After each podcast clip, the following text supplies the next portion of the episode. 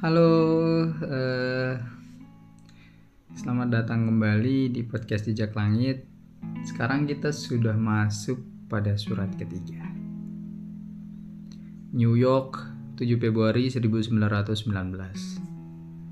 Nona yang terhormat, suratmu mengingatkan aku kembali akan kenangan seribu musim semi dan seribu musim gugur dan terbayanglah diriku berdiri di depan hantu-hantu itu yang raib bersembunyi dalam kesunyian setelah gunung berapi meletus di Eropa. Perang Dunia Pertama. Betapa lama kesunyian itu. Tahukah engkau, kawan, bahwa biasanya aku menemukan pelipur lara, persahabatan, dan kesenangan dalam percakapan kita yang sering terputus itu. Dan tahukah engkau bahwa biasanya aku berkata dalam hati, di sanalah nan jauh di timur seorang yang lain dari gadis-gadis lain yang sudah memasuki kuil bahkan sebelum ia lahir telah berdiri di dalam tempat yang paling kudus. Dan setelah mengetahui rahasia agung yang dijaga oleh raksasa-raksasa bajar, Demikianlah dia yang telah mengangkat negeriku menjadi negerinya, yang telah mengangkat rakyatku menjadi rakyatnya. Tahukah engkau bahwa aku sering membisikkan lagu pujian ini pada telinga bayanganku setiap kali aku menerima surat darimu? Jika engkau mengetahuinya, kiranya engkau tak akan berhenti menulis padaku. Dalam hal itu, engkau tahu pula mengapa engkau berhenti menulis. Keputusan yang bukan tanpa kebijakan dan pertimbangan yang baik. Mengenai artikel Sphinx, siapa yang tahu bahwa bukan aku yang memintanya terus-terusan kepada pemilik Alfaunun. Semoga Tuhan mengampuninya. Hal itu berlawanan dengan sikapmu yang suka memesan karya tulis pada penyair, terutama pada lingkungan kecil yang menemukan ilham hanya dari saran kehidupan sendiri. Dan engkau termasuk dalam lingkungan ini. Lagi pula, aku tahu bahwa seni memang mengandung tuntutan, meskipun tuntutan tak dapat dibuat dari seni. Dan bahkan ada sesuatu dalam tuntutan itu yang dapat mengurangi kesempurnaannya yang hakiki sebagai seniman. Andai kata engkau lantas menulis, kurasa aku tidak suka menulis artikel mengenai Sphinx sekarang, maka aku akan bersorak, hidup Mai.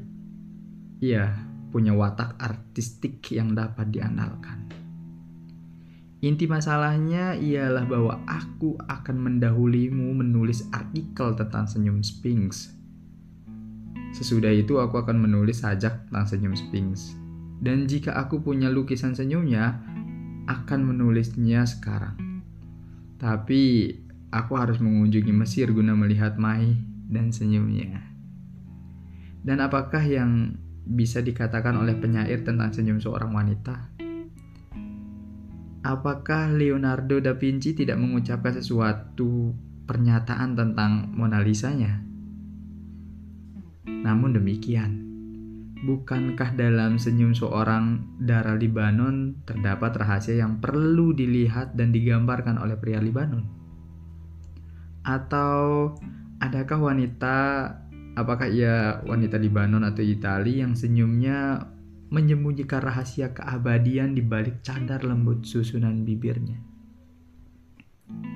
Dan si gila, apa yang hendak kukatakan tentang si gila, buku pertama saya yang diterjemahkan dalam bahasa Inggris, kau katakan di dalamnya terdapat unsur kebisingan. Malahan unsur gua-gua gelap. Tapi aku tak pernah terpikir akan kritik semacam itu sebelumnya. Walaupun aku banyak membaca apa yang dikatakan oleh surat kabar dan majalah di Amerika dan Eropa mengenai buku kecil ini. Yang menarik, kebanyakan penulis barat menyukai dua bab yang berjudul Temanku dan Para Pejalan Timur yang diberinya tanggapan khusus. Tapi engkau, kawanku, melihat ada kebisingan di dalamnya. Apakah untungnya bagi seorang jika ia memperoleh pengakuan dari seluruh dunia tapi tidak dari Maya? Adapun alasan yang menyebabkan orang-orang barat itu begitu senang akan si gila dan impiannya ialah bahwa mereka sudah bosan dengan impian mereka sendiri dan punya kelemahan pembawaan terhadap sesuatu yang asing dan aneh. Apalagi jika itu diberi baju timur. Tapi mengenai parabel yang dan sajak-sajak yang dimuat di Al-Faunun semua diterjemahkan dalam bahasa Inggris oleh seorang pengarang yang cintanya terhadapku agak melebihi pengetahuannya tentang sulitnya lidah Inggris. Aku telah melingkarinya dengan tinta merah kata muak yang tampak dalam tanggapanmu mengenai si gila. Dan ini kulakukan karena aku tahu jika engkau memperhatikan para pejalan timur, dan menghubungkan ucapan-ucapan si ibu dan si anak perempuan dengan personifikasi kemarin dan esok, sebaiknya lah engkau mengganti kata muak dengan kata lain, bukan? Apakah apakah yang hendak kukatakan tentang gua-gua dalam jiwaku? Gua-gua yang mengeringkan bagiku. Ya, Aku mencari perlindungan setelah aku makin bosan terhadap perilaku manusia, terhadap ladang-ladang suburnya yang justru menyakiti, menyakitkan hati dan hutan-hutannya tentang yang terlalu merimba. Yang menarik diri ke dalam gua-gua jiwaku bila aku tidak menemukan tempat lain guna membaringkan kepalaku. Dan jika beberapa di antara mereka yang kucintai memiliki keberanian memasuki gua-gua ini, mereka tidak akan menjumpai sesuatu kecuali seorang manusia yang bersujud mengucapkan doanya. Aku senang tiga ilustrasi dalam si gila kau ungkap bagus. Dan itu merupakan petunjuk bahwa engkau memiliki mata penglihatan. Ketiga pada Ketiga, pada kedua belah matamu, karena aku pun mengetahui di balik telingamu terdapat telinga lagi yang tersembunyi, yang dapat mendengarkan bunyi yang amat indah laksana keheningan, bunyi yang tidak diciptakan oleh bibir dan lidah, tapi yang berasal dari balik lidah dan bibir. Bunyi kesunyian yang manis, bunyi kegembiraan dan kepedihan, dan bunyi kerinduan akan sesuatu yang tidak dikenal dan jauh di dunia yang jauh. Bila aku menjelaskan bahwa mereka yang memahami kita menundukkan sesuatu dalam diri kita, engkau bertanya, apakah aku menyerupai seorang agar dapat dipahami? Tidak, tidak.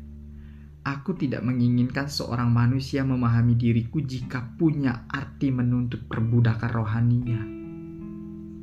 Banyak orang yang dapat memahami dirinya karena mereka menemukan dalam tindak tanduk luar kita agar dekat dengan apa yang mereka alami dalam hidupnya. Tidaklah cukup bagi mereka untuk mengetahui bahwa mereka mengetahui rahasia kita rahasia dalam diri kita yang tidak kita ketahui. Tapi mereka mengharuskan diri mencacat dan memberi kita suatu sebutan dan menempatkan kita dalam salah satu di antara banyak kelompok pemikir dan gagasan seperti ahli kimia yang baginya lagi menghadapi botol-botol obat dan bubuk. Penulis yang menuduhmu meniru aku dalam beberapa tulisan bukanlah mereka termasuk orang-orang yang mengaku dapat memahami dan mengetahui rahasia kita. Tak mungkin kiranya bagiku untuk meyakinkannya bahwa kebebasan merupakan garis awal bagi jiwa untuk bergerak maju dan bahwa pohon eiktak tak dapat tumbuh di bawah bayangan pohon willow. Begitu pula sebaliknya. Telah sampai di sini tulisanku. Namun sedikit pun belum menyebutkan maksud seperti yang hendak kukatakan tak kala mengawali suratku ini tadi. Siapa di antara kita berdua yang mampu menjelmakan kabut yang halus menjadi patung atau sosok paha, pahatan? Tapi sang darah Libanon yang mampu mendengar bunyi di balik bunyi itu tentu dapat melihat dengan tenang perwujudan maupun roh yang berada dalam kabut. Semoga jiwamu yang indah dan hatimu yang mulia berada dalam, berada dalam ketentraman. Tuhan melindungimu.